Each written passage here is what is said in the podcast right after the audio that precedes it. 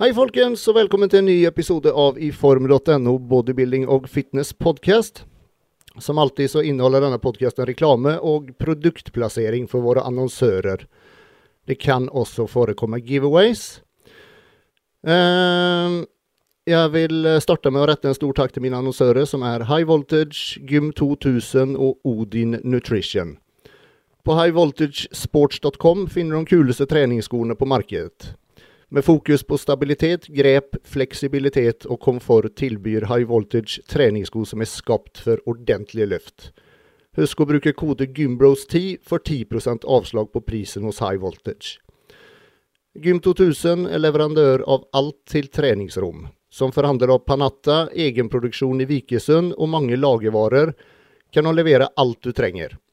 Nettbutikken gym2000.no er alltid åpen, og bruker du kodeordet 'gymbros', får du gratis frakt på alle ordre over 300 kroner. Odin Nutrition er en liten familiebedrift med fokus på å skille seg ut fra mengden. Og de tar inn produkter som ingen andre har. Ønsker du markedets beste produkter, så er Odin Nutrition kosttilskuddsbutikken for deg. De har hjemmelevering i Bergen og sender over hele landet, så ta en tur innom odinnutrition.no. Og der kan du bruke kode GYMBROS for 15% avslag på prisen. Jeg eh, vil selvfølgelig takke mine patrons, som er Raymond, Helge, Espen, Siri, Anel, Sirine, Niklas, Stian, Geir og Jeanette. Og tusen hjertelig takk til deg, Fredrik, for veldig god støtte. Om du har lyst til å være med og støtte meg i podkasten, så går du på patrion.com slash Andreas Adolfsson. Og alle nye patrons som signer opp for 100 kroner eller mer, får en Gymbros T-skjorte som bevis på at du er en ekte Gymbro og støtter podkasten. Trykk gjerne like på videoen. Om du ikke abonnerer på kanalen, setter jeg veldig stor pris på når du har lyst til å gjøre det. På YouTube, Spotify eller Apple iTunes. Og på sistnevnte har jeg blitt veldig glad for en liten omtale samt rangering. Tusen takk for det. Uh, I dag har jeg med meg en kar som uh, i det nærmeste kan beskrives som en legende i uh, norsk bodybuilding-historie. Han har selv konkurrert framgangsrikt. Han har drevet Norges mest kjente gym i ja, det er vel over 40 år nå. så da skal vi se om jeg kan få med meg skal jeg bare trykke på riktig knapp her? Nei, gjør vi sånn, og så gjør vi sånn. Og så sier jeg velkommen til Harald Skjølt. Velkommen. Takk, takk. Ja, som jeg sa, du har jo vært, du har vært med i gamet en stund nå. Ja, det har blitt et par år. det kan man trygt si. Når, når og hvordan startet egentlig din interesse for bodybuilding? Ja, du veit, uh, dette er langt tilbake. Når jeg var unggutt, så uh, var jeg selvfølgelig interessert i fotball og andre idretter som de fleste andre gutter. da. Og uh, spilte på skolelaget på folkeskolen. Og så begynte jeg på ungdomsskolen, og der hadde jeg en uh, Oslo-mester i turn som ville ha meg med på turning. For at sånn fra natursider så var jeg ganske kjapp til å løpe og ja, ganske sterk sånn naturlig, da. Mm. Så han så vel kanskje at det kunne være et eller annet der. Men uh, det falt meg ikke smak noe av det. Altså, jeg, jeg, fant meg ikke til rette verken med lagidrett, jeg var med han på den turninga, og, og, greit nok det. Men en dag så, så uh, kom svogeren min hjem. Uh, og så hadde han med seg et sånt Hot Road Magazine. Det var altså et sånt bilblad. For han var veldig interessert i biler, og det blei jo jeg etter hvert også. Mm -hmm. Og han hadde jo lest det, så han ga det til meg, da. Så titta jeg gjennom dette bladet, og så på bakre siden så var det bilder fra Mr. Amerika. Og når jeg så de bildene, da var det bare et eller annet som Der har vi det. Dette er det jeg vil. Og det var bilder av Dave Draper og Larry Scott og alle de gamle gutta, da. Men uh, det var et eller annet frø som spikra seg i huet på meg. Og så spurte jeg han hva er dette her er for noe? Så sa han det er noe som de kaller for bodybuilding, sa han. Og eh, det er ganske utbredt for så vidt i USA. Og det er noe av det i Norge også. Eh, men eh, ikke veldig mye, da. Og da begynte det å gå rundt i huet på meg. Altså. Så blei det det ene og det andre. Og jeg fikk låne noen små hantler av han og tok pushups og trena mye for meg sjøl hjemme. Mm. Og så var det kameraten min, han var så tjukk at søster, eh, mora hans meldte ham på et sånt treningsstudio. Det var borte på Grünerløkka helsesenter. Ja. Og nå er, nå er vi 69, eh, tenker jeg. 69-70.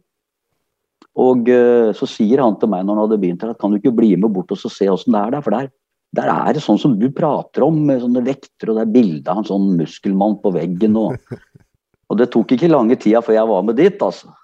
Mm. Og jeg blei helt overvelda, vet du. Der var det jo vekter og, og flotte maskiner. Det var et lite sted, da. Den gangen syns jeg det var kjempeflott. I dag hadde det vært et bitte lite rom. Ja, ja. Men, uh, men, uansett, altså. Jeg fyra skikkelig på det der sånn. Og det bildet som sto på veggen, det var av Raid Park, husker jeg. I mm. svart-hvitt. Husker poseringa akkurat som det skulle vært i går på det bildet. Og så spurte jeg han som eide det, da. Uh, mye koster å, å trene her? Jeg har kosta 350 kroner året.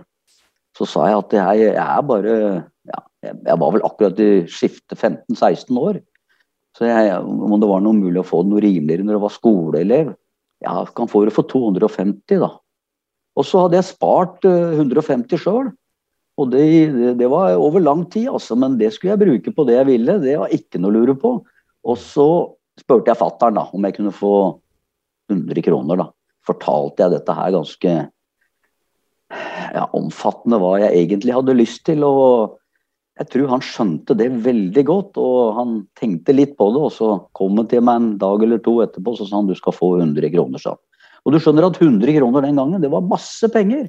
Ja. Det, var, det, var opp, det var eh, liksom Fikk du 100 kroner, da var du rik, altså. Mm. Ja, så begynte jeg der å trene, og uh, det var trening tre dager i uka. Mandag, onsdag, fredag for damer. Tirsdag, torsdag, lørdag for herrer. Sånn var det den gangen. Skulle ikke trene sammen. Og uh, de tre dagene, altså tirsdag, torsdag, lørdag, de var hellige, altså. Jeg skulka ikke én eneste trening noen gang. Om vi hadde feber og var borte fra skolen, når mutter'n og fatter'n hadde dratt, da var det bare å få på seg tøy og komme seg bort og trene i feberrus, altså.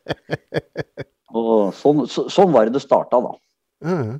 Da må, må jeg spørre da når du så de her bildene da på, eh, på Reg Park og Dave Draper og, og, og det, hadde du, hadde du, sett noe lignende tidligere? Eller var det liksom noe sånt i, i, Så man noe sånt på TV eller sånne ting?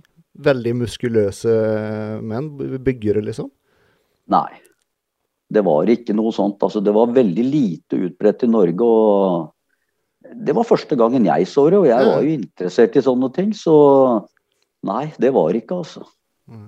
Men det var da lysten Du hadde selv lyst å, å få sånne muskler? Det var det som, som lokket deg, på en måte? Ja, altså det var noe med det Det har jeg sikkert nevnt i mange sammenhenger før, men jeg er ikke noe A4-mann. Jeg liker sånne yttergrenser. Ja. Og når jeg så det der eh, med de gutta som hadde Altså, det var bare et eller annet som jeg elska det med en gang. altså.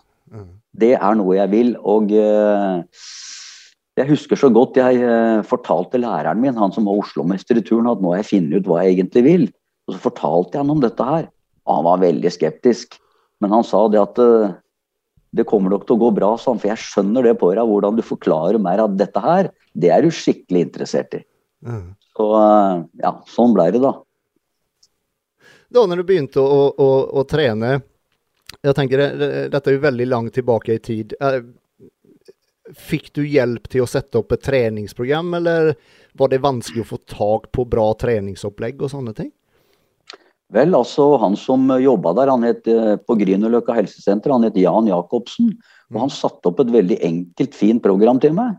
Som var helt komplett, som jeg så da i ettertid, på alle muskler i kroppen.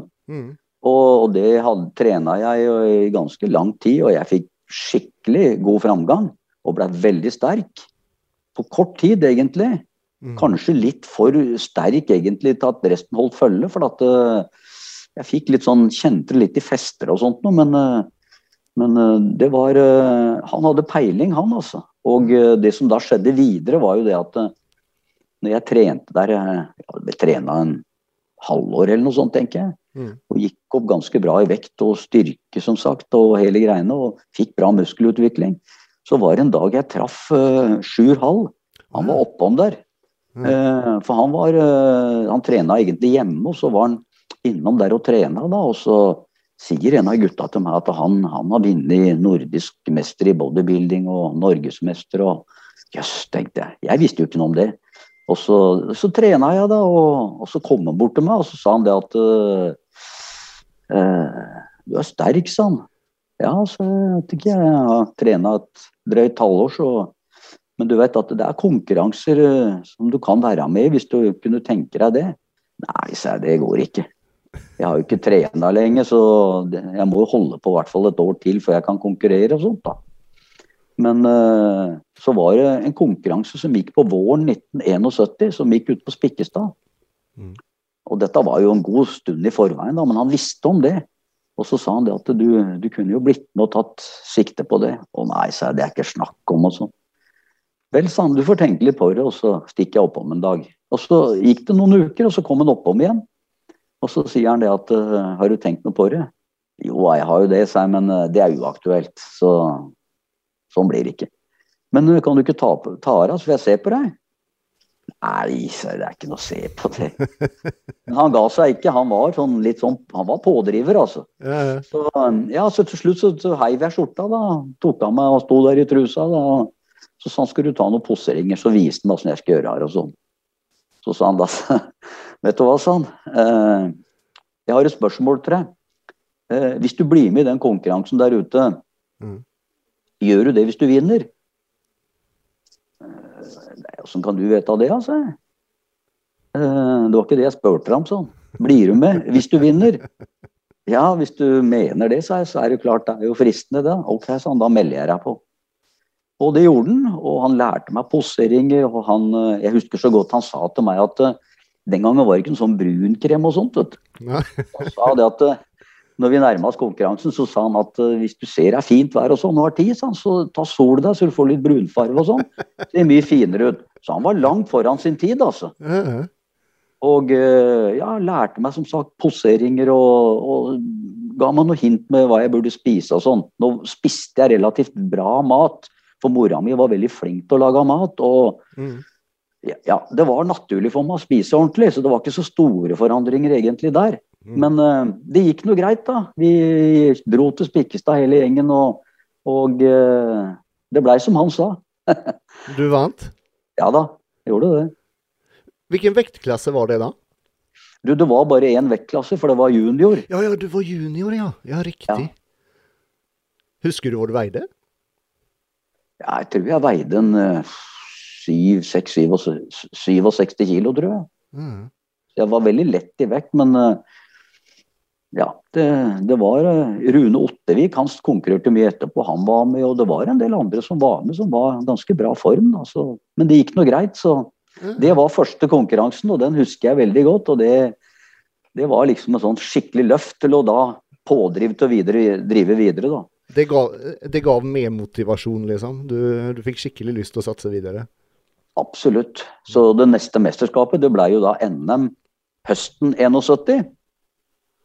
Bare for å nevne det på, på den konkurransen ute på Spikkestad her. Du vet jo Ulf Bengtsson han var jo en av de første byggerne som var gode. Mm. Og han hadde Sjur blitt kjent med på et eller annet sånn oppvisning. Uh, Ulf Bengtsson han var vektløfter som unggutt. Og Sjur poserte, og Torkil Randal han uh, løfta markløft den gangen. Oh, ja. den, ble, den, ble, kjent, så akkurat når vi dro til Spikkestad, da var Ulf Bengtsson på besøk hos uh, Sjur. Så han var med på det stevnet ute på Spikkestad. Og da ble han skikkelig inspirert òg, vet du. Å oh, ja, ja, ja. Jøss. Yes. Å, oh, faen. Ja. Men da da konkurrerte du rimelig, rimelig kort tid etter at du hadde begynt å trene? Konkurrerte første gangen? Ja, det var ikke mer enn et års tid jeg hadde trena, altså. Snøtt det. Så men det er klart at, som jeg nevnte i stad, jeg hadde drevet med armtøyninger og, og dreiv med sånn hjemmetrening. Og det er utrolig hva du kan gjøre med, med enkle ting hvis du er litt kreativ. altså. Mm. Så jeg var ganske bra utrusta når jeg begynte med de vektene, så det var jo da selvfølgelig mye bedre. Mm. Så, men, men, med vekttrening på et sånt treningssenter så var det bare et års tid. altså. Mm. Sånn, sånn eh, i, i matveien, hadde, hadde man samme på en måte eh, peiling på kosthold og sånt på den tiden? Vis, visste man hva man skulle spise? At det var liksom at man skulle spise proteinrik mat og, og sånne ting? Å ja da. Uh, vi hadde jo helselære på skolen, vet du. Mm. Og dette var på folkeskolen, og da husker jeg vi måtte tegne Vi hadde en veldig flink lærer som het Engebretsen. Han uh, spilte også fotball i Skeid, men han, han, var en veldig oppegående fyr. Og vi fikk i oppgave, husker jeg, å tegne uh, sunne matvarer. Det skulle vi tegne på et ark, og det var leksa hjemme. Okay. Og da hadde han forklart oss liksom om at vi skulle spise ja, allsidig mat. Eh, variert mat. Kjøtt, fisk, egg og mm. ost og sånn på proteinsiden. Og så var, så vi, vi, vi, kunne, I hvert fall jeg var veldig interessert i det. Mm. Jeg, jeg, kunne dette her, pluss at mor mi var veldig flink til å lage mat. så mm. Men proteinpulver det tålte jeg ikke. Jeg ble så fryktelig gæren i huden av det. I hvert fall det som var den gangen. Ja. så, og det syns jeg var veldig ergerlig, da. Det, for alle de andre tok jo liksom det, da, for det var så gromt. Og da husker jeg mora mi sa det. Du skjønner det, gutten min, sa. Den beste proteinen, sa, den får du egentlig i maten din. Mm. Men det er greit å ta tilskudd, men i og med at du ikke tåler det, så spiser du ordentlig mat. Og så går det veldig bra. Og det var helt riktig. Ikke sant. Uh, da før konkurransen, gikk, gikk, du på noen særlig, særlig diett eller noe sånt, eller, eller, spiste du egentlig bra hele tida? Så du, du var i såpass god form at du trengte ikke å dra av deg noe spesielt?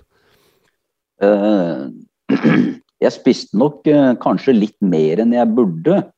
Uh, så det eneste jeg gjorde, det jeg spiste for så vidt samme maten, bare at jeg spiste litt mindre etter hvert måltid. Mm. Sånn at jeg lå på et lite underskudd og blei ordentlig deffa. Og det, det, var jeg fra første konkurransen da, Altså. Mm. Hm. Og sen videre så blir det NM, sa du?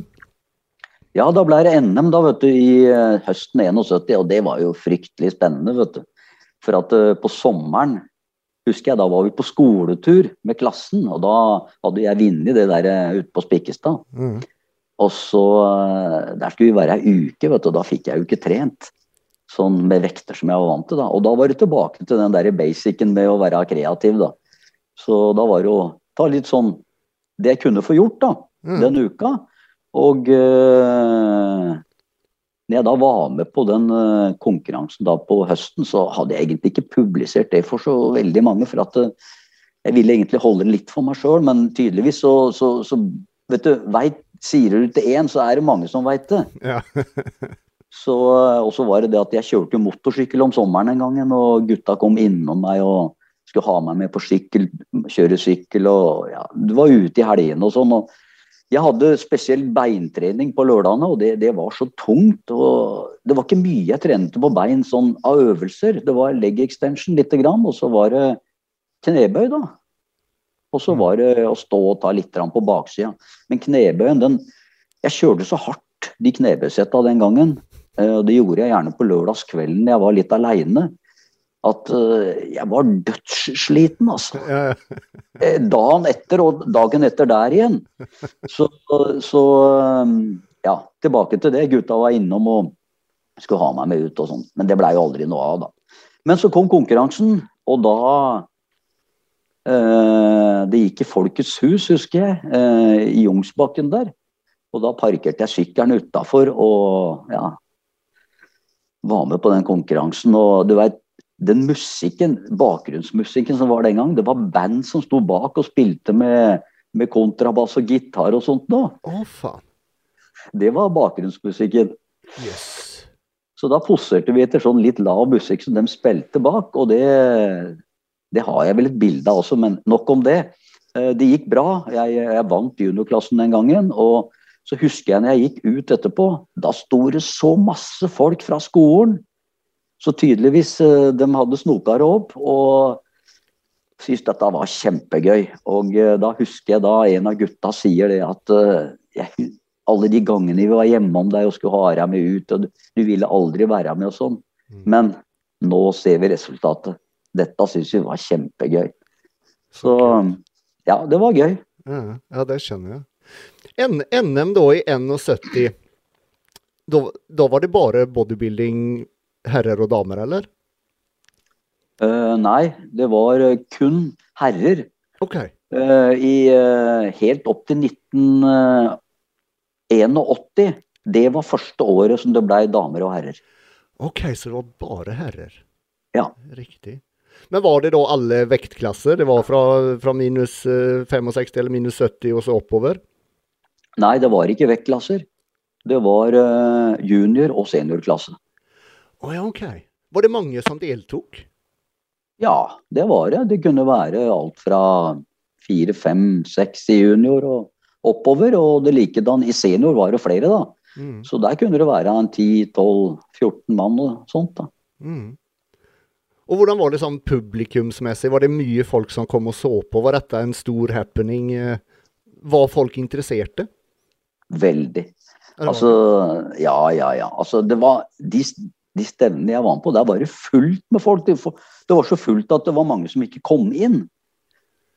Oi, yes. Og den, du vet, den gangen så var det Det var ikke så mye som skjedde, vet du. Mm. I dag så er det så er det masse kinoer, det er teater, det er, det er noe som skjer overalt. Men Mm, mm. helt tilbake til den tida der, så, så var det ikke masse som skjedde. Det, når det var bygging, liksom eh, NM der, så, så var det det som skjedde i byen. Og da gikk jo folk og så på det som var interessert, da. Mm. Så det var helt andre tider sånn. Du ser sånn som det er f.eks.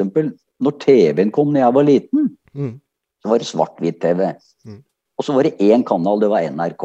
Og så kom vi, fikk vi en Sverige 1 og 2. Mm. Og, og det var jo helt, helt rått, liksom.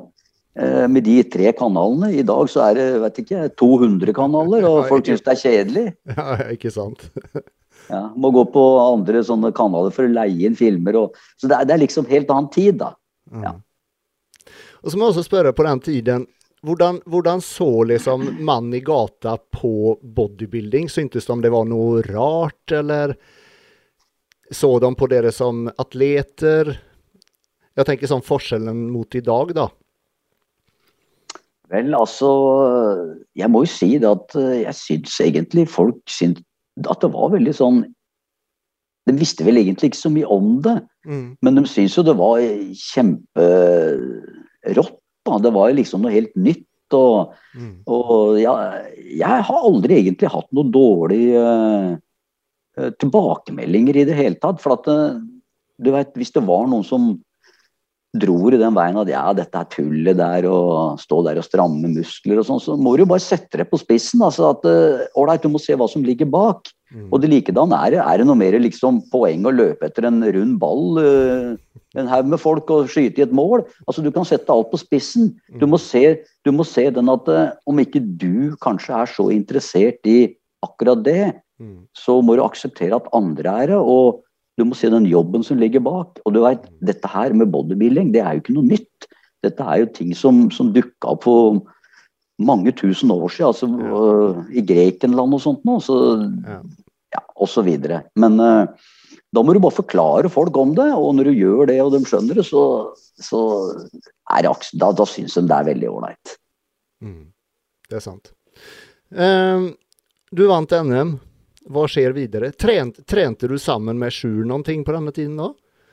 Ja da, jeg må jo si det at uh, Sjur han var en, en voldsom pådriver og læremester for meg den gangen, og jeg tror nok det at hadde det ikke vært for uh, han som sto bak der, så det er ikke sikkert jeg hadde drevet verken med bodybuilding eller uh, hatt og gym, for å si det rett ut. Men uh, Mm. Så han var en god pådriver og ga meg mange hint, og vi var nesten som, eh, som storebror og lillebror, vi altså, en stund. Fordi at eh, det var nemlig slik den gangen at eh, når juleferier kom og sånn, så, så stengte de gymma, vet du. Da, da var det jo låst i 14 dager. Og andre ferier og sånt noe. Så da husker jeg at eh, etter jeg hadde vunnet NM og sånn, så, så låste jo han gymmet der borte. og så ja, fikk jeg ikke trene, og da kjøpte jeg meg lengdeløpsskøyter. Tenkte jeg får gå litt på skøyter og finne på noe annet i den tida. da, sånn. Mm. Og da traff jeg Sjur, og så sier han åssen går det og sånn. Nei, sa jeg, det går bra det. Treninga? Nei, det er jo stengt, sa jeg. Så jeg kjøpte meg skøyter og sånn. Er du gæren, sa han. Vet du hva? Du kan komme hjem til meg og trene, vet du. Ja, kan, jeg det, ja? Ja, ja, ja, kom hjem. Så møtte jeg ham på Majorstua, så dro vi hjem til han, og så begynte jeg å trene hos han, og da Og han ga meg ikke nøkkel, men han bare fortalte at jeg kunne gå baktrappa, gå rett inn Mm. der hvor han bodde. da. Så jeg hadde fritt spillerom der. altså. Så da begynte jeg å trene hjemme hos Sjur. da. Ikke sammen med han, men jeg trena der etter skolen. da. Mm. Så da fikk jeg kunne avbrekke ferier og sånn, så det gikk veldig bra. Og da blei det jo satsing videre, da. Mm. Fortsatte du å trene samme program som du begynte med den gang, eller eksperimenterte du mye med å trene mer eller mindre, eller flere dager? Ja, det blei mer trening. Og jeg trena flere dager i uka, for da, da tålte jeg å trene mer i henhold til når jeg var ja, så vidt altså 15-16 år. Etter hvert som du trener, så tåler du jo mer. Mm. Så da la jeg om litt og begynte å kjøre litt flere øvelser og sånn. Men jeg, jeg er veldig på det den dag i dag. Jeg, altså, det at, eh, jeg tror nok veldig mange trener seg i hjel. Mm. De trener eh, for mye og for dårlig, egentlig. For mange øvelser og altfor mye. Eh, Jeg er mer på den at tren de øvelsene du har skikkelig, og ta deg ut. Mm. Og ikke vær redd for å ta noen dager fri liksom, til du skal trene igjen. Fordi at noen ganger så må du nesten være mer dedikert for å ta fri enn for å trene. Mm. Folk vil jo helst trene fem ganger om dagen, vet du. Sju dager i uka. Og det går jo ikke, for da blir du helt nedkjørt. Mm. Ja. Har du noen erfaringer med det å, å, å faktisk trene for mye og få nedgang i, i framgangen? Ja da. Jeg blei overtrent, jeg. Ja, du ble det? Mm. Ja da, jeg gjorde det. Jeg kjente det at uh, nå er det noe som ikke funker her i det hele tatt. Mm. Jeg, eh, jeg ble svakere og ja, det gikk helt gærne veien. Og da gikk jeg tilbake til litt mer mindre øvelser og litt mindre trening. Mm. Og da gikk det en periode, og så var jeg tilbake der hvor jeg var igjen. Så det, Mm. det var veldig merkbart, altså. Jeg tror alle, de fleste har nok vært der. Ja, ja, uten tvil. Du vant NM. Eh, hva, skjedde, hva skjedde videre? Jeg regner med at det ble noen flere konkurranser etter hvert der? Ja da, det gjorde det. Nå hadde jo jeg skole som jeg måtte begynne på videregående skoler og sånt, nå, men jeg trena hele tida. Og eh, så sier Sjur til meg i eh, husker i våren 74, 74, det var vel i slutten av 73, at det er EM i Syd-Frankrike i, eh, i, i bodybuilding. Eh, kanskje du kunne blitt med junior, og så ble jeg med senior. EM tenkte jeg hadde jo aldri vært utenlands omtrent, annet enn i Sverige, vet du. Så begynte å farte sånn. Det var liksom Ja. Men eh, det blei noe sånn. Eh, vi trena hardt mot den konkurransen og, og dro ned dit. Og så visste vi også at Ulf Bengtsson og Erling Valgren også skulle være med henholdsvis i junior og senior. Oi, oi, oi. Så, så vi forberedte oss på hver vår side og møtte jo dem der nede, og det var jo utrolig gøy, da. Mm. Så det blei jo liksom den neste store konkurransen, da. Var det kun dere som dro, fra, dro fra Norge, eller var det flere? Nei, det var bare oss to. Det var bare dere to? Ja. Ja da, det var det. Så eh, da blei vi jo mye mer, mer, bedre kjent der nede med dem også, og traff jo mange andre fra andre land som var jævlig gode. Og, ja, det var veldig stort for meg, altså. Mm. Og konkurransen gikk jo for så vidt bra, og den, så vi var jo fornøyd. Husker du hva du fikk for, for plassering? Ja da, jeg, eh, Sjur fikk annenplass i senior, og jeg fikk annenplass i junior. Så jeg ble slått av Ulf Bengtsson. Oh, ja. Men det var helt greit, det. For han, eh, han var mer komplett enn meg. Altså. Han hadde veldig gode bein fra vektløftinga og sånn, så Mm. det var bare gøy. det. Jeg var kjempefornøyd, jeg. Altså. Det var jo mange vi slo, så jeg husker så godt jeg sa til Sjur når vi var der nede at eh, jeg syns gutta ser så jævla svære ut her. Så jeg lurer på åssen dette kommer til å gå. Og da sa han det at eh, ikke, ikke døm en mann med klær, sånn. Du skal få se i morgen. Dette her går nok bra. Og det, det stemte, det. Mm. La, la dere mye tid i poseringstrening? Ja, vi gjorde det, altså. Sjur var jævla god på det, og han uh, lærte meg mye, og vi jobba med det, så det, det kunne vi. Og så er det jo noe med det der med poseringer og at uh, det er greit å lære, og sånn, men det må ligge litt, ligge litt for deg også. Mm. Det er ikke alle du kan lære å danse. Nei. Noen blir jævlig gode, andre de, de blir litt krøkkete uansett hvor mye du øver. Mm. Så det har litt med det òg, da. Mm. Fikk man selv velge musikken, eller var det samme der at det var et band som spilte bakgrunnsmusikk, og så, og så bare man bevegde seg til det, eller hvordan fungerte det? Nei, vi hadde ikke noe egen musikk eller noe sånt, og det kan jeg nesten Jeg tror ikke det var noe musikk der, altså. Så vidt jeg husker, så var ikke det, altså. Ok. Men man hadde et friprogram, eller på samme måte som nå? Ja da, Ja. hadde det. Det var, var lineup, og så var det Husker ikke om det var obligatoriske poseringer, men uh, vi hadde friprogram. Ja da, det hadde vi. Og så var det veldig ofte sånn den gangen at uh, det var ikke Konkurransen gikk ikke på én dag. Det var forbedømning da. Enten var det dagen før, eller så var det på formiddagen vi hadde forbedømninga. Og så var det show, showet på kvelden. Og da la de sammen de poenga. Å, faen. Hm. EM overstått, andreplass der. Eh, og du er fortsatt like motivert, regner jeg med, videre? Ja da, det satte spirer, det der sånn, altså. Så jeg var skikkelig på hugget. Og jeg må si det at det der miljøet vi hadde også den gangen Da hadde jo Sjur åpna et gym da, i mellomtida. Altså, vi hadde et jævla bra miljø der. Mm. Så vi kosa oss og inspirerte hverandre, og det var, eh, var full såle, det. Så det neste blei jo det at eh, i eh, Ja, i 1975 så Så Jeg var veldig interessert i biler også den gangen, og det er jeg enda. Men vi var medlem av en sånn Amcar-klubb, og det var møte der en gang i uka. Og så sier han som var formann, som het, vi kalte han for Atom, at eh, de hadde fått beskjed fra Elvis-klubben, for de skulle på ferie, eller på konsert i USA, så de hadde chartra et fly eh, for å dra over dit. Men så hadde de en del ekstra plasser, og lurte på om det var noen av oss som var interessert.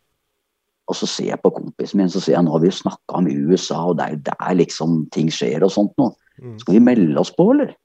Ja, har du penger da, sier han. Ja, jeg har spart penger, jeg, sa jeg. Så det, det gjør vi. Så meldte vi oss på, så dro vi dit, da. Men for å gjøre en, liksom en litt lengre historie litt kortere, så havna vi over da i Det, det flyet det gikk bare til New York, for at det, det var chartra dit. Og vi banka på til American Airlines og tok fly over til eh, San Francisco. Mm.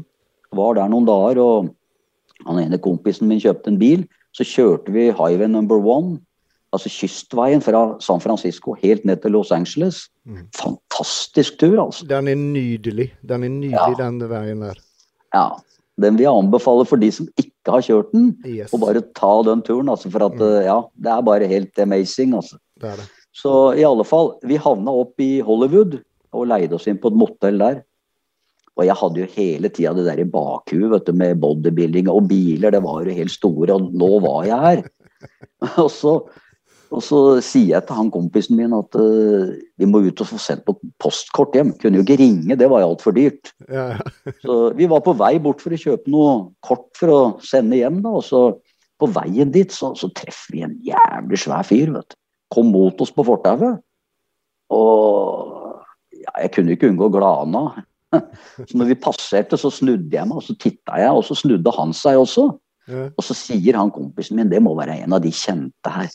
Nei, sa jeg, det, jeg kan ikke gjenkjenne av det jeg har sett i bilder i blader og sånn, sa jeg. Men, eh, men eh, For her er det en del som driver med bodybuilding, skjønner du. Det er ikke sånn som det er i Norge. Mm. Og så kjøpte vi de korta, og så gikk vi langs fortauet tilbake til motellet. Så kom han kjørende på en sånn Harley Davidson, banka inn til siden, og så Du vet, amerikanere, de er gjestfrie, hyggelige. ja, ja, ja. Han så at jeg hadde trent, og det var ikke vanskelig å se at han hadde gjort det. Så, så vi var der, da, og så, og så stoppa han, og så sier han det at uh, Jeg ser dere er, er, Hvor kommer dere fra, liksom? Er, nei, nei, vi er på ferie her, vi. Noen gutter av oss da som øh, skal liksom reise litt rundt omkring i USA, da. Mm. Men nå er vi her i California. Sånn. Så sa han at jeg har fri fra jobben i dag, sa han. Så hvis du vil, sånn, så kan jeg ta deg på en ride. Er det noe du har lyst til å se på når du er her? Ja, altså, det er Det kan jeg fortelle deg. Jeg har veldig lyst til å reise til Gold Scheme. Perfect, son. I'm training there. Så jeg satte meg på sykkelen hans, og så sa jeg det til han at bare reis innom motellet, så jeg får tatt med meg eh, penger og så et fotoapparat som jeg har eh, lånt av en kompis. Så ja, reiste jo dit og Så sier gutta er du klin gæren, skal du bli med han? Du kjenner jo ikke fyren og tar med alle penga dine. Og, og altså, men han trener seg, så vi, vi er i samme Vi er der. Så det, det, det, er jeg ikke redd for i det hele tatt. Så vi kjørte ned da eh, til Santa Monica. Og eh, han viste meg Venice Beach, og der var de trena ute, vet du. Ja, det var, ja, ja. sånn, var sånn apebule her den gangen òg, vet du. Det var noe Mm. Folk som trena ute der. Og så reiste vi til Og nå er vi inne på det gamle Golds Gym, vet du. Mm. Det første. Mm. For det var jo Joe Gold som åpna det og, i sitt navn. Og så ble, heter det jo Golds Gym. Og jeg hadde jo lest i bladene liksom eh, en del om det gymmet, og, så var inn, jeg var jo informert. Og så kjørte vi inn bakgata til Golds Gym, og så så jeg Ken Waller stå også med en sånn der eh, søppelbøtte som han helte oppi en sånn søppeldunk der. Mm. Så tenkte jeg han jobber jo her, for det har jeg lest i bladene. Og nå er jeg her. Og så gikk vi bakveien inn, husker jeg, og så kom jeg inn der, og jeg ble helt Det var ikke så stort, det gymmet. Det var kanskje som førsteetasjen jeg hadde, litt større. Og så så jeg det var masse sånne spotlightere som sto rundt der, og sånn filmutstyr. Og, og jeg sto der liksom som sånn der, sånn Jeg var bare helt åpen av inntrykk. Og så så jeg alle de gutta jeg bare hadde lest og drømt om. Arnold Schwarzenegger, Colombo, Frank Zane, Dave Draper, Ed Guliano. Jeg tenkte, hva er det som foregår her? Er det noen trener her? Jeg blei bare helt sånn målløs, altså. Og så sier jeg til han fyren at øh, hva er det som skjer her? Er det med alle disse filmgreiene og sånn? Nei, du skjønner det sånn at vi driver og spiller inn en, en dokumentarfilm om bodybuilding. Å ja, sa jeg. Så det er derfor alt det står der, ja. Men uh, har du lyst til å ta en treningsøkt og sånn, så, så gjør vi det nå.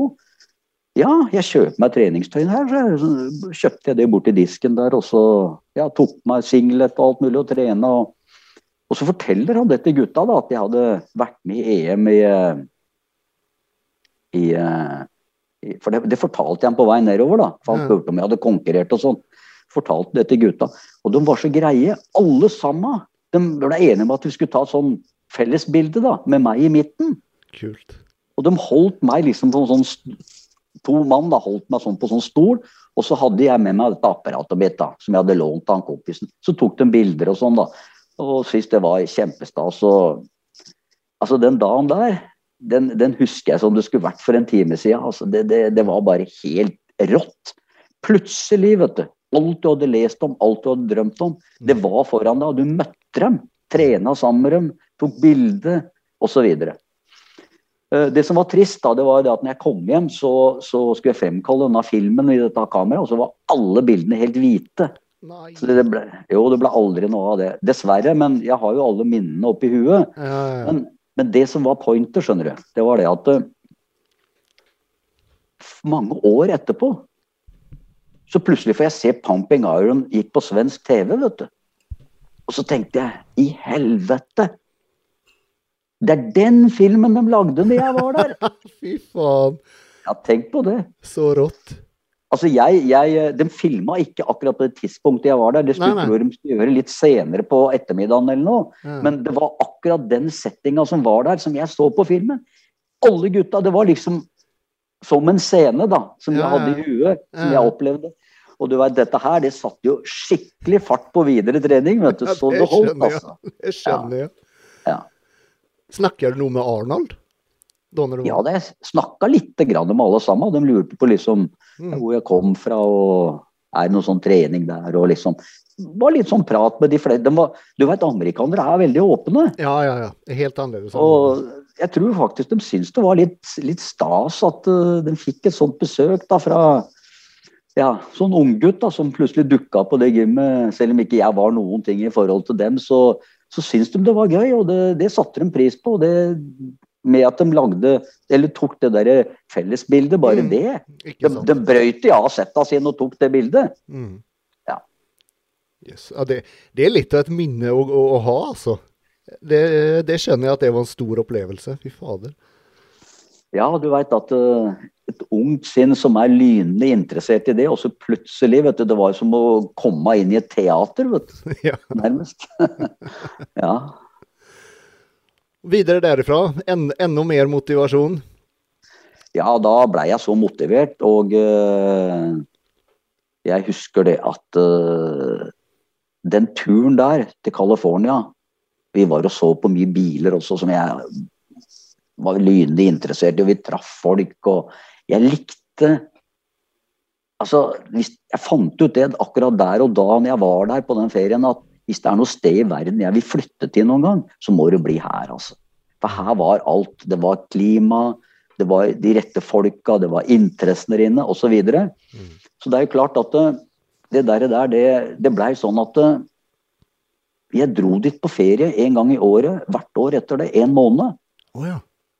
Og eh, eh, trena og handla noen biler som jeg kjørte rundt i, og titta på alle mulige interessante ting og sånn. Mm. Så, så, men det var alltid treninga som var fokuset, da. Jeg trener ofte et par økter om dagen òg. Ja. så du veit, dette var vel et par-tre år etterpå. Så begynte jeg Jeg hadde utdannelsen min i flybransjen. Mm. Så jeg hadde en gratis tur i året, vet du. Riktig. Den gangen var det veldig dyrt å fly, men jeg hadde den gratisturen, og da brukte jeg den hvert år og reiste dit eh, og storkosa meg. Og eh, det blei sånn at eh, jeg fant et motell som lå Altså, det gamle Goals. mm. det, det, solgte Joe Gold til, til to karer. Var, han ene var Ed han, Grimkowski. Han var også en god bodybuilder. Han og en kar til kjøpte det gymmet Goals Gym, og da åpna Joe Gold World's Gym. Stemmer det. Sånn blei det.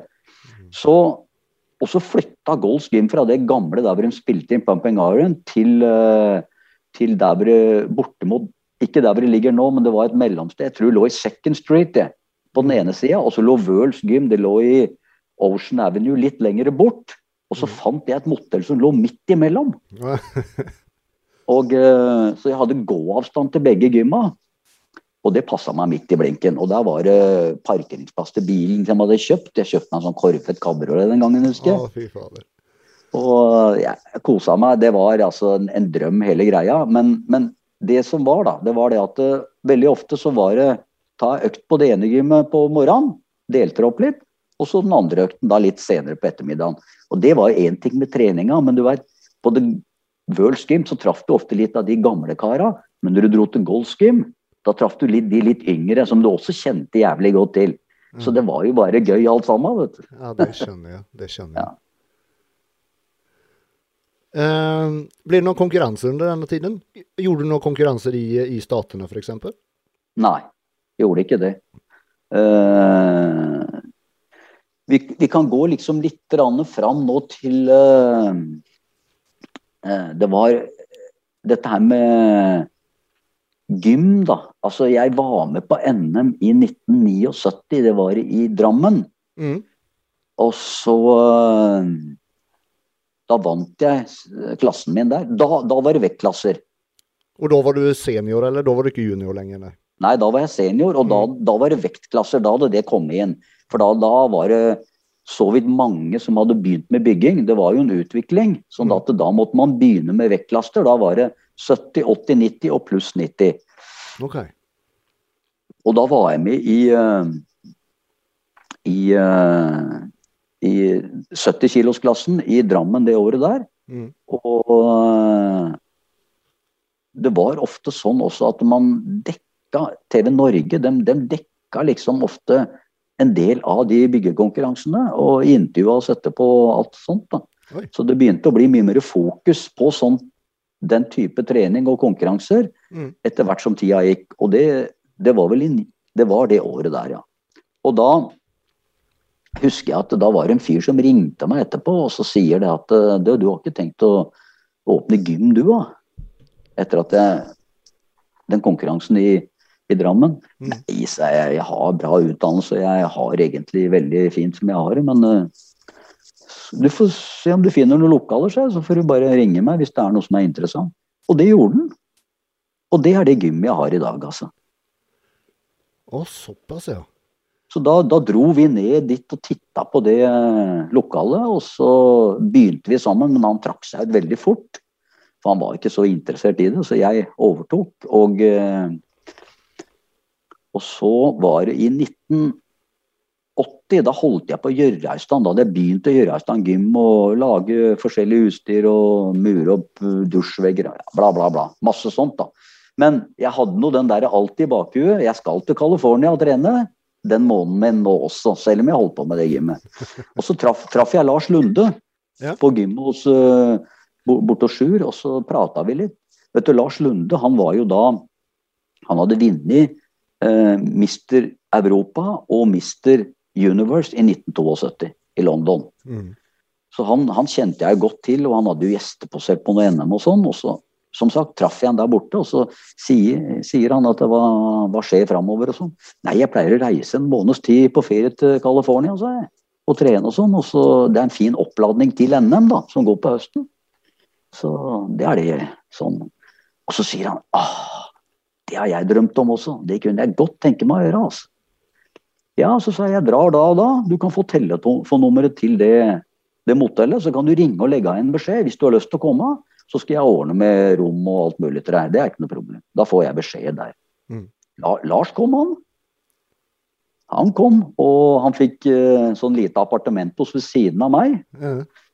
Oppe i annen etasje. Og veldig fint sted med svømmebasseng nede der og sånt. Lite koselig gym. Nei, eh, tre, sånn uh, motell. Mm. Og så dro vi og trena da. Og dette her var i 1980, på sommeren 1980. Så reiste vi ofte da Jeg sa det til henne at jeg trener ofte om morgenen bort på Wøls, og så trener jeg på golf sånn på ettermiddagen. Så vi kan jo ta den ruta for å se åssen du liker det, så kan du bli med på det. Mm. Og så kom vi bort dit, da, og så sa jeg på veien når vi gikk bortover, så sa jeg at jeg, jeg ser veldig ofte Arnold og Colombo trene på den tida om morgenen. Så hvis vi er heldige, kanskje de er der i dag. Så kom vi inn, vet du. Og Lars han er jo en mann av få ord, men da, da ble han helt perpleks. Altså. Rett i trynet vet du, på Arnold og Colombo. Og det var vel en to-tre stykker til der, og så var det oss to, da. Som mm. trena såpass tidlig. Og vi var jo veldig sånn beskjedne og driver jo ikke og maser om det er kjente folk og sånt, men Arno hadde jo vunnet mange Mister Olympia allerede. Mm. Så eh, vi syns jo dette var jævlig stas. Du kan tenke deg, de inspirerer noe fryktelig, vet du. Ja, fy faen. Så Lars sa det når vi var ferdig med økta, at uh, det er beste økta jeg noen gang har hatt. Sånn. dette var helt rått. Ja, så sånn er det her. Og så ja, dro vi på, bort på gymmet på Goldskum da, på kvelden og trene, og da traff vi da var Mike Mense-brødra der, og, som også skulle være med i Olympia. Det visste vi jo, og mange mm. av de andre. Du, du, ser de fleste når du er på sånne steder, vet du. Så sånn blei det. Men uh, ja. Dagen etter, eller noen dager etterpå, da, så dro vi og trena igjen da, på World's Gym og holdt dette ved like. Og da husker jeg det at uh, jeg var nede i garderoben, og hadde dusja. Og så prata både Lars og jeg om at eh, faen, de trener jævlig bra. Det ses de er i god form og sånn. Snakka en del om det sånn oss imellom, da. Mm. Og så sto jeg der og greide meg, og så kom Arnold ned, for at treningsgymmet lå oppe, og så var det ei trapp ned til dusjer og garderober og sånn. Jeg tror han skulle på dass eller noe sånt. Mm. Og så kom han bak meg mens jeg sto og greide meg i speilet, og så tok han en dobbel biceps. Han gikk i sånn singlet. Så han tok liksom den rett bak huet på meg. Å helvete, tenkte jeg. Han er i skikkelig form, altså. Og det sa jeg jo til han, da, at Jøsse navn, sa jeg. Du, du er jaggu meg i god form. Er, er, det noe på gang her, eller? Ja. Nei da, nei da, sånn. Det er sånn det er. Det. Vi trener bra, vi, vet du. Uh, Franco and I, sa We, we're training every morning. Så uh, sier jeg det til Lars på vei hjem at uh, fy fader, han har nå bare i jævlig god form. Mm. Uh, og så kom vi tilbake igjen da, og traff dem, og da var vi faktisk i dusjen samtidig. Det var sånn alltid at du dusja etter treninga. Mm. Og uh, da sa Lars da at han ser jævlig god ut og sånn. Og så begynte, begynte dem å snakke med oss da mer og lurte på hvorfor vi var der og hvor vi kom fra. Og, og jeg tror Arnold kjente igjen Lars fra London, vet du.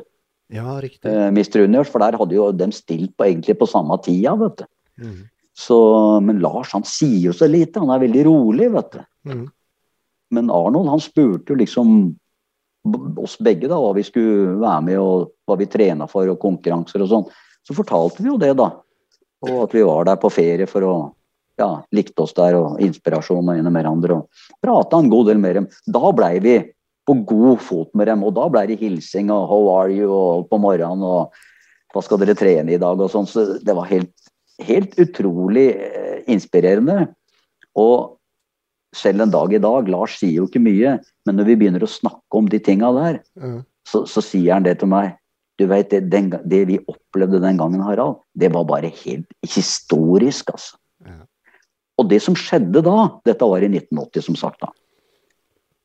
Vi dro jo hjem. Jeg drev og jobba på gymmet. Og så visste vi at Olympia skulle gå i, i slutten av september den gangen også. Eller oktober. Og så hørte jeg det banka på døra ute der. Jeg tenkte helvete, hvem er det som slår så jævlig i døra? Så gikk jeg ut for å lokke opp, da, og, for jeg hadde sånn gråpapir på innsida mens jeg pussa opp der. Mm. Det var Lars, vet du. Og så sa han, vet du hva som har skjedd? Nei, hva er det som har skjedd? Veit du hvem som har vunnet Mister Olympia? Nei, sa jeg. Arnold! Å, det var det han trena for når vi var der, ja. Nå fikk vi svaret, vet du. Men det var jo hemmelig, vet du. Riktig. Ingen skulle vite at han skulle konkurrere da, for det var sånn comeback, vet du. Ja, ja, stemmer det. Det var det året han gjorde comeback, ja. Stemmer det. Ja, Det var jo fem-seks år etter, vet du. Eller, ja, ja. Stemmer det. Så det var jo Så vi opplevde jo det oppkjøret de hadde da til det når vi trena der, så ja, det var gøy. Bare det å ha vært på hils, vært på hils med Arnold, liksom, det er helt rått. Det er ikke mange som har vært. Nei, det var gøy, det. Ja, ja, det skjønner jeg. 1980, det er vel rundt denne tida da som du, du åpner gymmet i årsskiftet eller noe sånt, du? Gjør du ikke det? Jo da, jeg gjorde det. Eh, Det var ikke lenge etter at eh, For, for å si det sånn, månedene etter det Mr. Olympia, at, eh, at jeg fikk åpna gymmet og ble ferdig. Det var en helvetes jobb. Mye mer enn eh, vi hadde innbilt oss i det hele tatt. altså. For at du skulle jo pusse opp lokaler, og utstyr skulle lages. Altså. Vi gjorde alt sjøl. Vi hadde jo ikke noe penger. Så det var bare å kjøre på, det. Så dere Og la, lagde alt utstyr sjøl? Ja, gjorde det. Gjorde det. Så han hadde sånn sveiseverksted, og jeg kappa det til og gjorde alt det som jeg kunne bidra med, og det gjorde han også. Og da fikk vi det til, altså. Så det blei eh, Og det var, gangen så det var et komplett gym med, med liksom beinpress og, og de tingene der, eller? Absolutt. Ja. Altså Den gangen jeg åpna det gymmet, da var det jo ikke mer enn en tre-fire gym i Oslo. Ikke sant. Og de gymma som var i Oslo den gangen, de, de er jo nedlagt for mange tiår siden. Eh, så, så, men, men jeg åpna det gymmet, da var det, det desidert det største gymmet i Oslo, og det som var absolutt mest komplett. Mm. For jeg visste, jeg visste jo hva jeg skulle ha av utstyr. Mm. Og eh, jeg husker fattern han sa det til meg, at du tar jo virkelig sjansen på liksom, å satse så hardt på dette her? Du har jo bra jobb, og du tjener jo bra, alt mulig sånn. Så sa jeg det til henne at eh, det, hvis jeg begynner å gå inn for dette her sånn, så jeg sier jeg ikke det for moro skyld. Og jeg veit, bare jeg blir ferdig med dette her, at dette skal gå ordentlig, for jeg skal være her sjøl, altså. Mm. Skal ikke overlate det til noen. Så ja, det var å dra sammen kompiser og venner og bekjente og bare få jobba så busta føyk de siste ukene, for da hadde jeg ikke penger i det hele tatt. Mm. Jeg måtte gå i butikken hver dag for å se hva jeg hadde råd til av mat. Så skrapa var det. For du kan tenke deg, når du, når du skal pusse opp og gjøre i stand et gym med egeninnsats, så er det dobbelt så mye jobb som du tror, og det blir dobbelt så dyrt. Mm. Sånn som det er når du skal pusse opp hva som helst. Ja, ja. Og der endte vi opp, men akkurat i årsskiftet 81-80, da var det ferdig. Uh, og da når jeg fikk åpna da, så strømma det inn med folk, og det gikk som eh, så det kosta, altså. Dro inn folk og lærte dem å trene og skrev programmer og sånn. og Sånn har det vært egentlig hele veien fra den gangen og fram til i dag. Men da, da sa du opp den andre jobben, eller den vanlige jobben din, og så, og så jobba jobber du fulltid på gymmet da, eller? Ja da. Det satt langt inne, for at jeg, jeg var jo mekaniker eh, den gangen på gamle Fornebu. Mm. Og det var en, eh, for meg var en, eh, både skolen og den jobben var en eh, kjempefin eh, lærdom. Som jeg da videre har benytta meg når jeg driver med, med supersportsbiler og sånn. Mm, mm. Og, men jeg måtte si opp, og jeg tenkte da at eh, det jeg har lært og det jeg kan, det kan jeg bruke som sagt på det jeg er interessert i. Men jeg veit at nå får jeg mer fritid, nå får jeg drive mer med bygging, nå får jeg trena bedre Mm. osv. Så, videre. så jeg går den veien der, og dette skal gå, altså. Mm. Du åpner gymmet, det strømmer inn folk. Um, om ikke jeg husker feil, så i 81 var det da det var VM i Kairo. Uh, ja, vi kan uh, ta med én konkurranse før det. For at Ja. eh, VM i Kairo, det var på høsten. Mm. Men uh, vi hadde EM i London som gikk våren 1981. Mm. Og uh, vi hadde jo forhåndsuttatt en, eh, en kar som het Gunnar Røssebø. Som ikke var noe vel, hvilken som helst. Han var jævlig god. Han eh, skulle være med da i EM eh, i 81. Og før EM så hadde vi Oslo Grand Prix, som da var uttagning til det EM-et. Mm. Og da var det eh, vinnere i hver klasse. Da. Det, var, det var meg i minsteklassen, og så var det Ludvig Engebretsen i, i eh, 80. Shukat Shangesi i 90. Og så var det Geir Borgan Paulsen som vant pluss 90. Og han vant for øvrig også over all der sånn. Det var første konkurransen hans. Og eh, jeg tror sjøl han var jævlig happy, for han, han vant jo det som var da. Han var jo jævla god, vet du. Mhm. Men han fikk ikke deltatt i EM, for da var Gunnar eh, forhåndsuttatt. Og han var jo Han var jo temmelig spesiell uh, utrusta når det gjaldt muskulatur, altså. Det må jeg bare lov å si. Så, så det EM-et da det gikk da i London, og Gunnar han kom fra Bergen, han bodde jo der, og bodde hos meg da noen dager før vi dro til London. Og eh, vi gjorde forberedelser der. Eh, smørte Da hadde vi begynt med brunkrem, vet du. Ja, ja. En forferdelig brunkrem. som det, det lukta så jævlig at du, om natta så sveier i øya.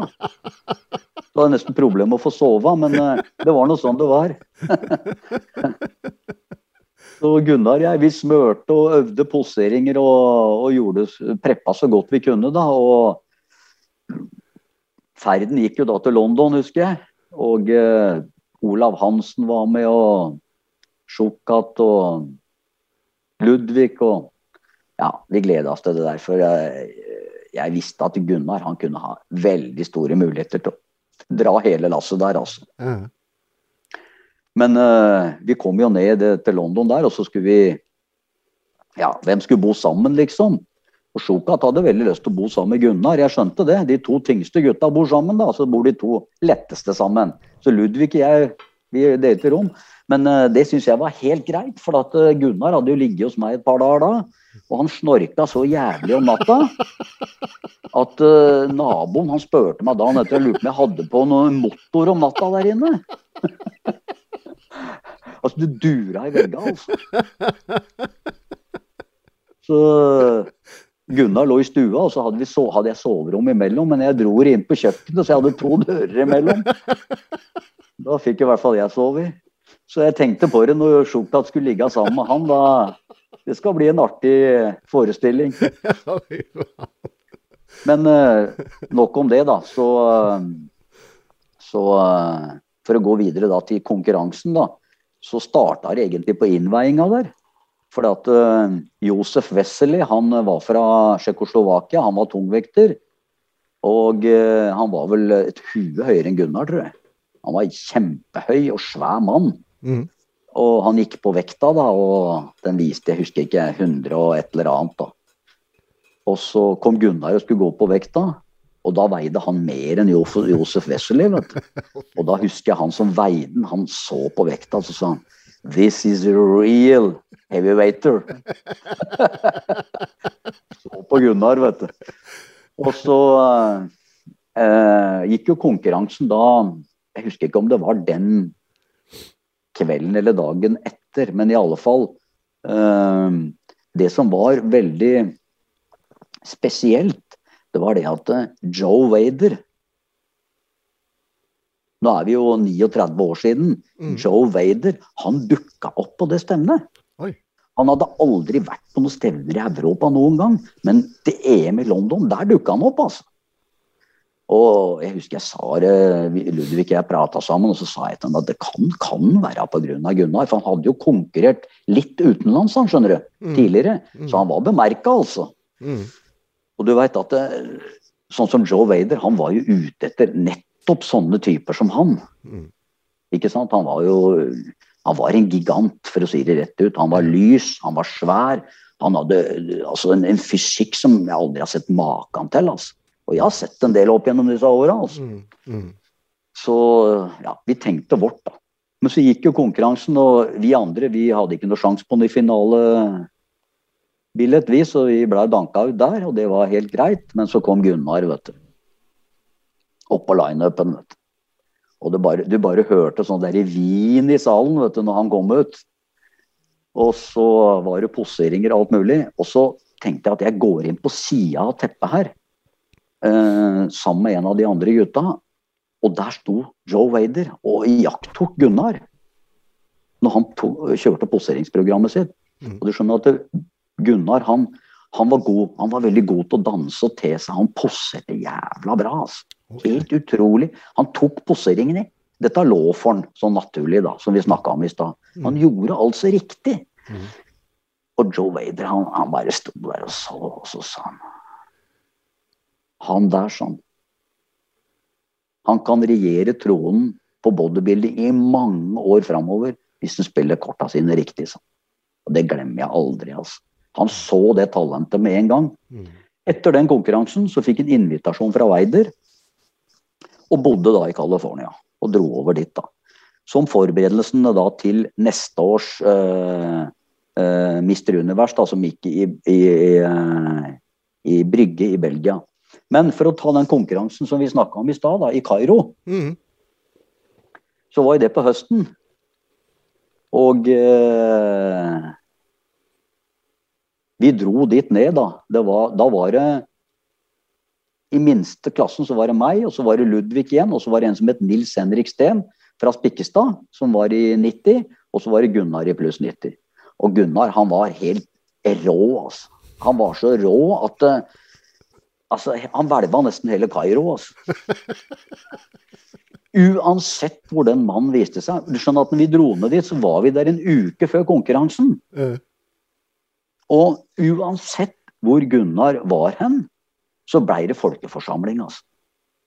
altså. Det skjedde i løpet av sekunder. Så bare vrimla det med folk rundt den. Men han var helt uh, amazing, altså. Mm. Og uh, jeg husker Lou Ferrigno, han var der nede også. Uh, som turist, da. Mm. Jeg vet ikke hva, hvilke oppgaver han hadde der og sånn. Og det tror jeg hadde stått om i avisen. Men det var ingen som trodde han var hulken, altså, for han så ut som han var på ferie. Men alle trodde at Gunnar var altså. For han, han, han var skikkelig hulk, altså. Så det var den konkurransen nede i Kairo. Og da var det fordømming dagen før, og så var det show på kvelden. Og da hadde de eh, disse egypterne de hadde da laga den konkurransen ute i ørkenen. Eh, helt i nærheten av eh, pyramidene og sfinksen. På natta, lysbesatt med sånn rød løper og masse stoler rundt.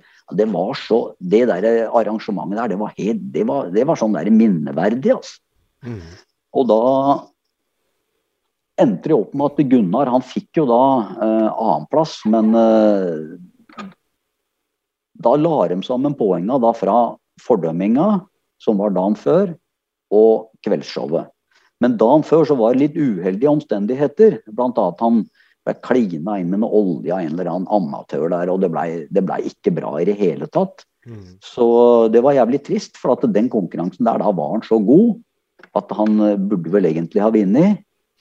Uh, Lance Dreyer fra USA, det var han som vant. Okay. Men uh, poengsummene var som følger at fra fordømminga så hadde Gunnar Noen annenplasser og noen førsteplasser. Men så var det én dommer som hadde satt den på en tredjeplass. Av en eller annen grunn, da.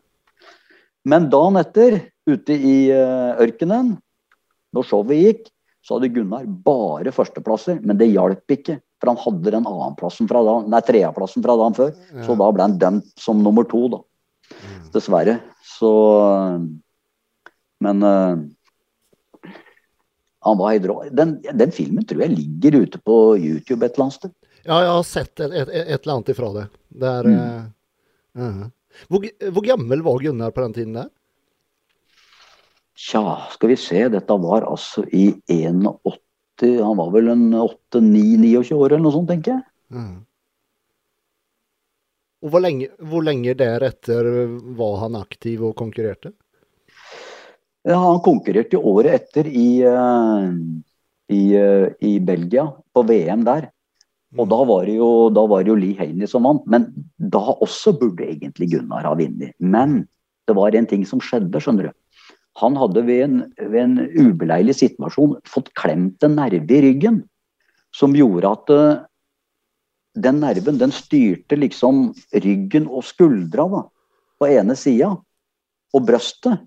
Sånn at det, det blei litt hemma, så du kunne se at han var litt mindre på ene sida. Hvis du visste om det. Mm. Men pointet var det at eh, sånn snakker man ikke om. Men Gunnar var jo i USA og trena, vet du. Og han, eh, han fortalte folk om dette, at han hadde vært uheldig og alt mulig sånt. Og du veit at det du forteller da, det bruker folk mot deg, vet du. Mm, selvfølgelig. Så når vi kom til konkurransen da uh, Gunnar kom fra USA, han var jævlig god form, altså skikkelig deffa og han var der hvor han skulle være. Men, eh, og vi andre, vi kom jo fra Norge. Da var, det, da var det jeg som var med, og så var det Sjukat. Og jeg husker ikke om det var Ludvig da òg, jeg tror jammen det var det, altså. Ja. Men i alle fall da, så, så traff vi jo Gunnar der og prata med ham og alt mulig sånt. Og så så vi formen hans. Dette tyda veldig bra. Men Problemet var det vet du, at det var for mange som hadde blitt oppmerksom på det. vet du. Mm. Akkurat det der drawbacket der. Eh, hvis du ikke visste det, så som sagt, så så du det ikke. altså. Mm. Og han var god til å skjule det. Men eh, når konkurransen var, da, så skulle vi varme opp. Det var en sånn lang gang nedover, husker jeg. Og så Arnold Schwarzenegger han var jo på amerikanske TV-teamet og skulle være med å dekke som spiker. Og så var filmteamet. og så gikk de nedover gangen og filma. Så lå det en svær hantel på gulvet, en 40-50 kilos hantel. Den tok Gunnar tak i, vet du, og så kjørte han køl vet du, på, på, på gulvet der. Og så kom teamet nedover, og så stopper Arnold opp, og så sier han What is this? og så var Jim Mannion der, for at det amerikanske teamet de sto jo på sida av dem, og så løp han bort til Arnold og så sa han at at uh, Look at his left side, son. He's, he's uh, closer than uh, Eller mindre, og begynte å mase med noe jævlig og sånn. Og så sa Arnold Jim, fuck off. That's the man. That's the man, son. Rett ut inn. Så Arnold så det også med en gang, vet du. Men nå ble det jo sånn da at Lee Haney han var jo jævla god. Det var jo, ja, ja. det var jo året før han vant Mr. Olympia. Han tok jo den VM-tittelen, og så vant han Olympia. Men det som var greia, var det at eh, hadde ikke det blitt så fokusert på, så hadde Gunnar vunnet. Mm. Og det sto i bladene. Det var jo ikke noe nett og sånn den gangen. Mm. Men det sto i, i, i bladene etterpå at uh, Gunnar var egentlig den beste, men han kunne ikke vinne med halv kroppstor. For da var de oppmerksom på det. Ja. Akkurat som siste året når, når uh, Dorian Yates vant Mr. Olympia. Mm. Der var jeg sjøl. Han hadde ryket bicepsen. Mm. Altså, Jeg la ikke merke til det enda jeg satt helt på fremste benk. Mm. Men han var veldig kjapp på dobbel biceps og vrei seg litt sånn at du ikke kunne se det. Mm. Men han vant Olympia. Men han hadde ikke sagt noen ting om det. Mm. Og etterpå så så jo alle det på bildene. Hva i helvete er det som har skjedd med armen hans og bla, bla, bla. Ja. It's too late. Da var han vinneren. Mm. Og det kunne, akkurat det kunne egentlig ha skjedd med Gunnar også. Men uh, sånn ble det ikke da. Mm. Kan man, kan man si at Gunnar er det største talentet du har sett? Ja, jeg må nok si det, altså. At han uh, Han var nok det, ja. Vi, har hatt mange, vi har hatt veldig mange andre gode også, men uh, Gunnar var jævlig god. Han kunne ha nådd så langt han ville. Han altså, hadde spilt korta sine veldig veldig riktig, men uh, det var jo mange ting som mm. Det var mange grunner til at han kanskje ikke ville fortsette og sånn, men uh, ja, sånn var det. Mm. Um, var, var Gunnar seriøs når han først, først da var, i, var, så god? Var han veldig seriøs med alt fra kosthold? Man, man, har hørt mange historier, ikke sant? Men, men var, hvordan var det egentlig? Var han seriøs? Ja, han trena Når han først trena, så trena han veldig bra. Og han var av den oppfatninga Han trena ikke så jævlig uh, ofte og mye, liksom. Han, han trena hardt når han trena, og så var han ikke redd for å ta fridager imellom. Mm. Så vi så det den gangen, at det er jo merkelig at den mannen som er best og størst av alle, han er den som trener minst. Mm. Da begynte vi liksom å skjønne at uh, kanskje det er litt for mye trening ute og går her. Uh, og så videre. Men det du spurte om, da. Han, han var seriøs han, når han uh, trena før konkurranser og alt sånt nå. Mm. Men uh, han var ikke så nøye kanskje med mat og sånn som vi var. for at han hadde en metabolisme som var helt annerledes. Mm. Han var ikke sånn som oss andre. Han kunne ta seg fri fra treninga, og det gjorde han et år en gang også. Mm. Nesten. Og, og, av en eller annen grunn da, så han, tok han seg fri. Og, og, for at, eh, Jeg kan godt fortelle den historien. Det var i BK den gangen så var det en som het Gunnar Østby, som var eh, styrkeløfter eller vektløfter. Mm. Han ble tatt for noe dopinggreier. Mm. Og så blei det gjengitt i, i BK, men så hadde de skrevet feil. De skrev ikke Gunnar Østby, men Gunnar Øssebø. Og det, det, blei han, det tok han så jævlig innpå seg, selv om det ble dementert og sånn. Så, så, ja, Han likte ikke det i det hele tatt, så da offa han ut, han i bortimot et år. Og, og vi savna han jo på gym, og jeg ringte til han og snakka med han, og så tenkte jeg får dra oppom han en dag. Og så gjorde jeg det, da. Og satt vi og prata, og så skulle han på do, og da hadde han alltid bretta opp uh, buksa si, sånn legga sin. Så når han gikk på dassen da, så tenkte jeg i helvete. Altså, De legga hans er som en isbjørn. Og den størrelsen han holder, og så har han ikke trena noen ting. Åssen er det mulig, liksom? Og det nå, Og så sa han da at uh, Syns du det? Ja, det er ikke vanskelig å se det. Så sånn, nå, må, nå, må, du bare begynne igjen, Gunnar. Så er det, det er ingen som har det der talentet du har. Så da kom han på gym og begynte å trene igjen, da. Og da var han i full gang. Så det var ikke mange treningene han tok da før han var liksom helt tilbake igjen. Og det er ikke normalt i det hele tatt. Nei. Nei. Det er helt sprøtt. Ja. Har, har, du noen kontakt med Gunnar i dag, eller? Absolutt. Ja. Jeg snakker, og han ringer meg ofte i telefon, og ikke minst han øh, Han ble vel invitert på det 40-årsjubileet, men, mm. uh, men uh, han kunne ikke for at han har vondt i ryggen og, og uh, hadde ikke mulighet til å komme. Mm. Men da hadde vi en lang samtale og, om alt mulig rart. Altså, det var veldig hyggelig. Og vi, vi prater ofte sammen. Og det som er så gøy, det er det at når jeg snakker med han, så har han akkurat samme stemmen. Han husker jævlig godt alle de tinga vi opplevde, som vi prater om. Og vi, vi så jeg, jeg, sa det til sist, at når jeg snakker med deg, Gunnar, det er så merkelig. Jeg ser meg foran, deg, foran meg sånn som du var for 35 år siden. Mm. Ja, men, men, det er ikke helt sånn. sånn. Jeg ser ikke sånn ut nå. yes. Når, eh, hva med deg selv? Når, når, gjorde du din siste konkurranse? Uh, det var vel i uh, ja, jeg konkurrerte ikke hvert år, men det blei sånn mange ganger opp gjennom hele veien. da. Mm. Og siste konkurransen, det var vel i 4-95. For da var jeg med på uh, Pan Pacific Championship, som gikk i 94 i, på New Zealand. Mm. Og da var jeg vel egentlig på det beste, altså. Da jeg begynte å vippe over 40 år. Mm. Uh, og så var det vel Guam. Var i semifinalen der, og da tror jeg det var det siste. Da hadde jeg egentlig tenkt å være med et år til. Men uh, jeg satte i gang og begynte å trene skikkelig igjen. Og så det var et eller annet som jeg merka med meg sjøl, at det, det er ikke helt sånn som det var før. Og da tenkte jeg i mitt stille sinn at kanskje vi skal la det være med de 25 åra jeg har konkurrert, og så gi oss nå. Og det, sånn blei det, da. Vet du hvor mange konkurranser du har gjort totalt? Som du har vært med på? Nei, det veit jeg ikke. Men det blei nok en 10-12 NM og masse EM og VM og den derre Pan Pacific og Det var masse konkurranser, altså. Mm. Og du, du veit at det, vi var jo rundt hele verden. Konkurrerte eh, Syd, Europa, i Russland, i Sibir, USA, overalt, ikke sant. Så den ferden der sånn, den, den har vært så fantastisk flott. Jeg sa det til Geir når jeg snakka med ham sist, at det, det var det vi opplevde fra vi var gutter og med alle konkurranser og alt, alt det der.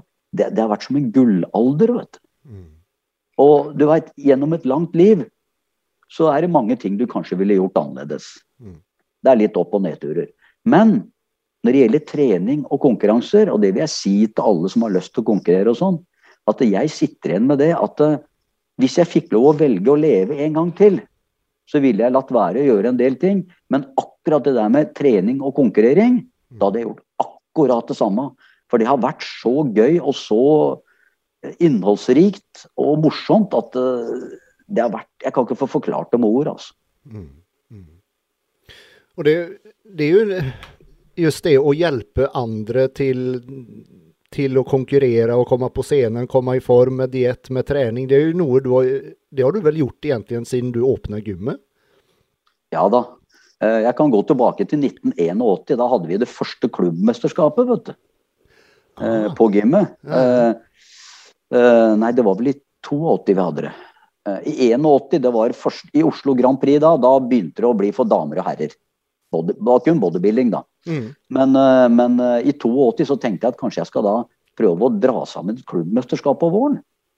Eh, og høre med de som jeg mener da kunne være med og sånn. Og eh, det gjorde jeg. Og det hadde vi oppe i annen etasje. Lyssattere med noen spotter, og det var nesten samme dommere som dømte NM, og masse folk var det der. Hele annen etasje var drittfull med folk. Ja, ja. Og eh, da husker jeg at eh, det var en sånn vellykka konkurranse, så det klubbmesterskapet det hadde vi i mange år framover. Grunnen til at vi ikke har det lenger nå, er vel pga. at det er ikke plass. Mm. Utstyret er, det er for tett, og det er for mye det. Men eh, det, den konkurransen der, den, den av damene den gangen da, som vant da, det var ingen ringere enn Tone Oppheim, vet du. Aha. Det var første konkurransen hennes, og, yes. og hun var veldig god. Hun hadde Ah. flotte magemuskler, og jeg husker hun, når jeg gikk med sånn tights, så så du magemusklene spratt ut nesten gjennom tightsen. vet du. Og så var det en annen gutt som vant, som også var veldig god, da. En som het uh, Jan Remmereit. Så Nei da, det var en uh, flott tid, det, altså. Ja, det, er vel, det er vel mange, mange gode som har hatt sin første konkurranse. Tommy Thorvildsen var vel med der første gang, var han ikke det? Stemmer det.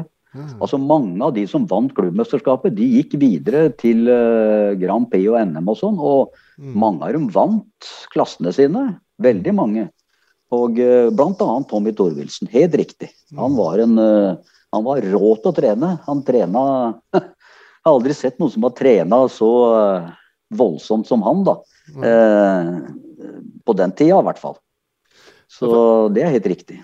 Jeg har faktisk fått et spørsmål her fra en som sitter og ser på uh, hva du synes om Tommy Torvildsen, Tommy Torvildsen sin eh, arbeidsmoral.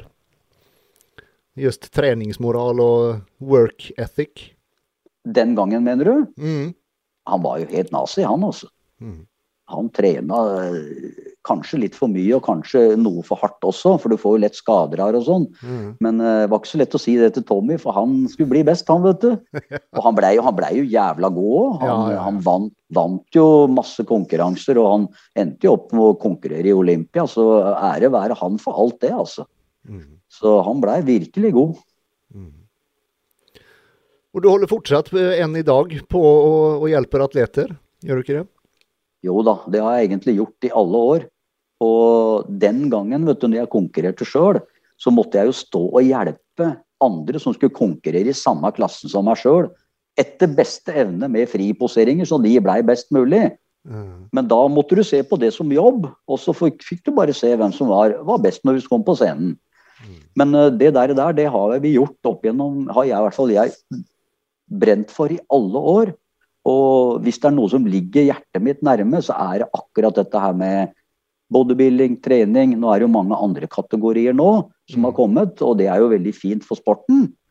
Men eh, det ligger, ligger veldig nærme meg, altså. Så jeg syns faktisk det er like moro i dag som det var faktisk den gangen. Mm. Men uten at man konkurrerer sjøl, men da får man heller hjelpe andre på best mulig måte, sånn at eh, de får best mulig resultater.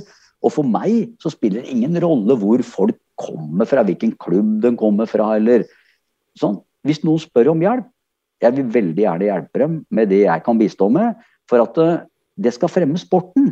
Mm. Det er det som er viktig. Vi skal vise utad hvor bra det egentlig kan være.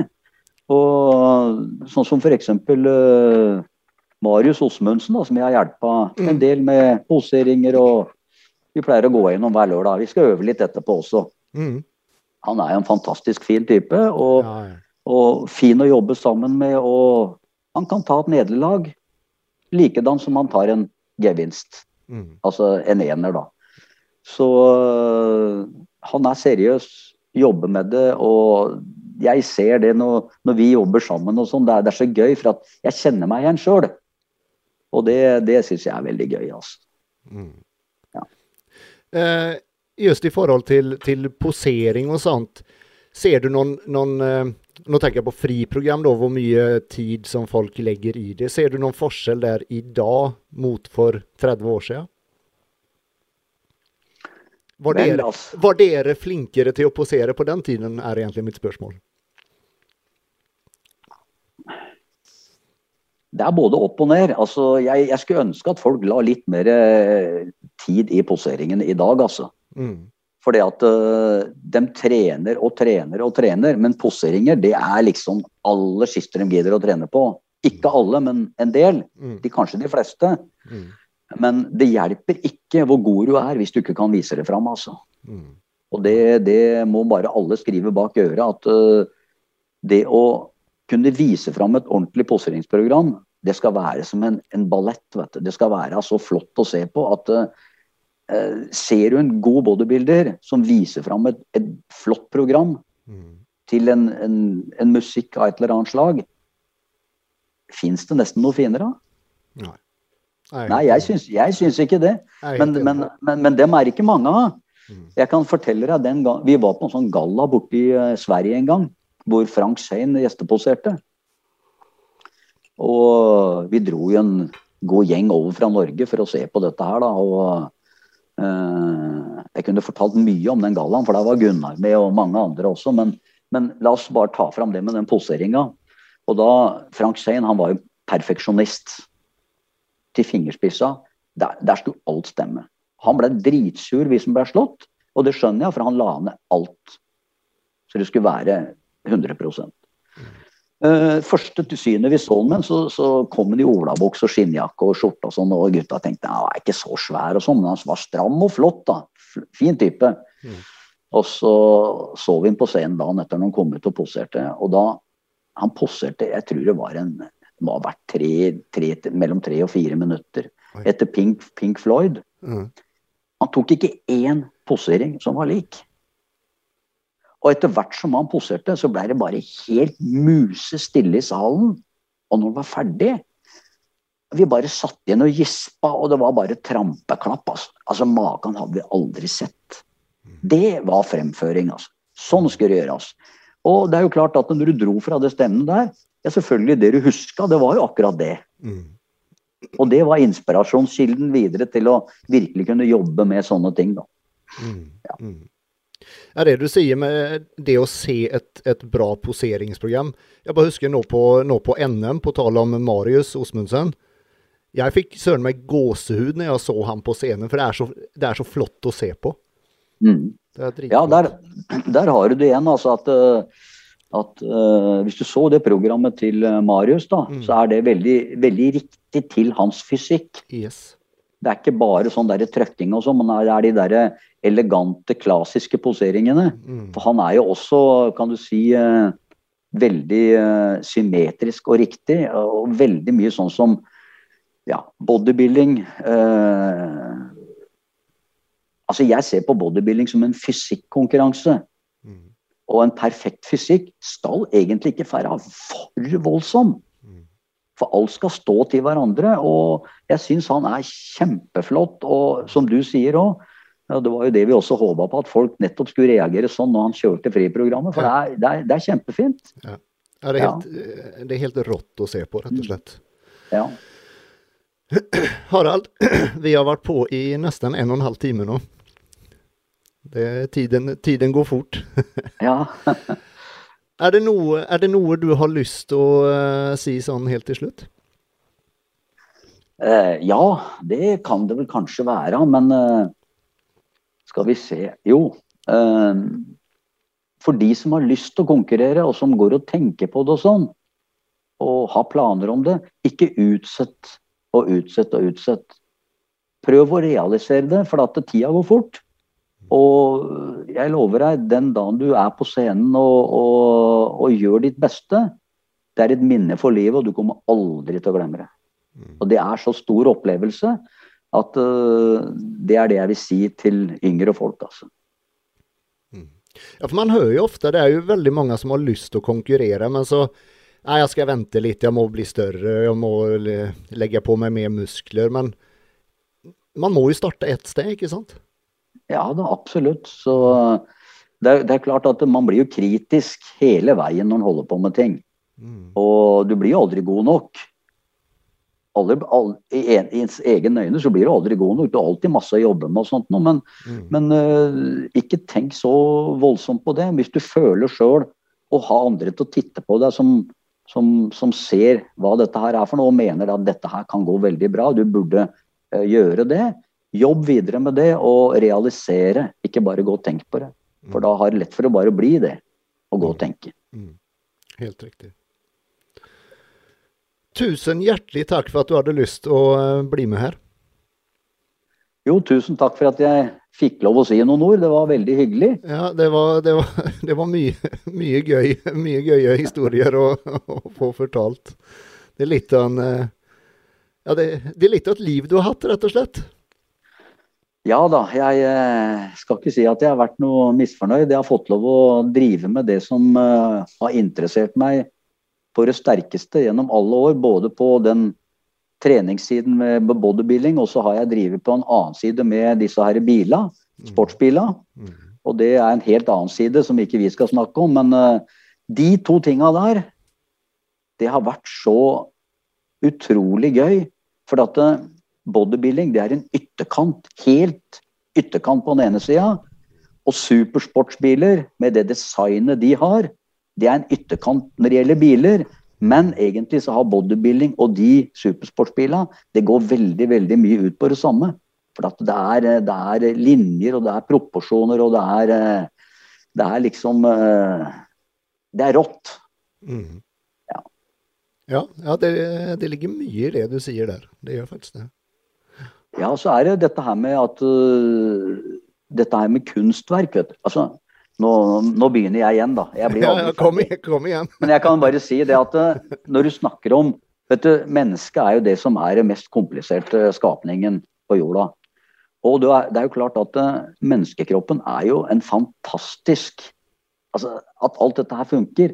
Men hvis du går på muskulaturen, da, som vi ser på mm. Hvis du klarer å bygge opp det på en riktig måte, så er jo det en skulptur som er så vakker at uh, hvis du har øye for å se det, så bare smelter det inn i, i øya dine. Og dette er bare helt nydelig. Og, og uh, det, er, det, er, kunst på høyeste nivå. Det er ikke noe mer å si. Og det samme er det med de supersportsbilene også. Det er verdens beste designere som har jobba med det, som virkelig har uh, syn for å lage dette her absolutt på det høyeste nivået. Og når du ser på det da, så er det akkurat det samme. Og det, det er liksom sånn du kan sitte og se på, du blir aldri mett på det. vet du. hva er, nå må jeg spørre, hva er, hvilken, hvilken uh, er din favorittbil, eller favorittdesign? Hva er det peneste du vet i, i sportsbilsverden? Vel, eh, hvis jeg skal gå på det, så må jeg vel nesten si at Lamborghini Miura det er vel den som kanskje står høyest av alle sammen. Mm. Og det blir vel også i de aller, fleste sånne kåringer sånn worldwide som har vært av og til opp gjennom åra, hvor du da teller ut de fineste, så har den ofte gått ut som den beste. Ikke hver gang, mm. men, eh, men, eh, det er vel kanskje den som er regna som en av verdens vakreste biler. da. Mm. Ja. Da har vi faktisk vært på i en og en halv time. Så eh, vi, eh, vi, får Jeg tror heller vi kan Vi kanskje kan fortsette en annen gang, om du har lyst til å bli med igjen. Jeg regner med du har mye mer å fortelle. Ja da, det kan vi sikkert gjøre, vet du. Vi finner. Tusen hjertelig takk for at du ble med, Harald. Takk i like måte. Det var veldig hyggelig. Snakkes vi. Det gjør vi. OK. Ha det bra. Ha det bra. Takk for i dag, folkens. Eh, vi er tilbake på eh, fredag med en eh, ny episode av Gymbros. Til den gang, ha det godt.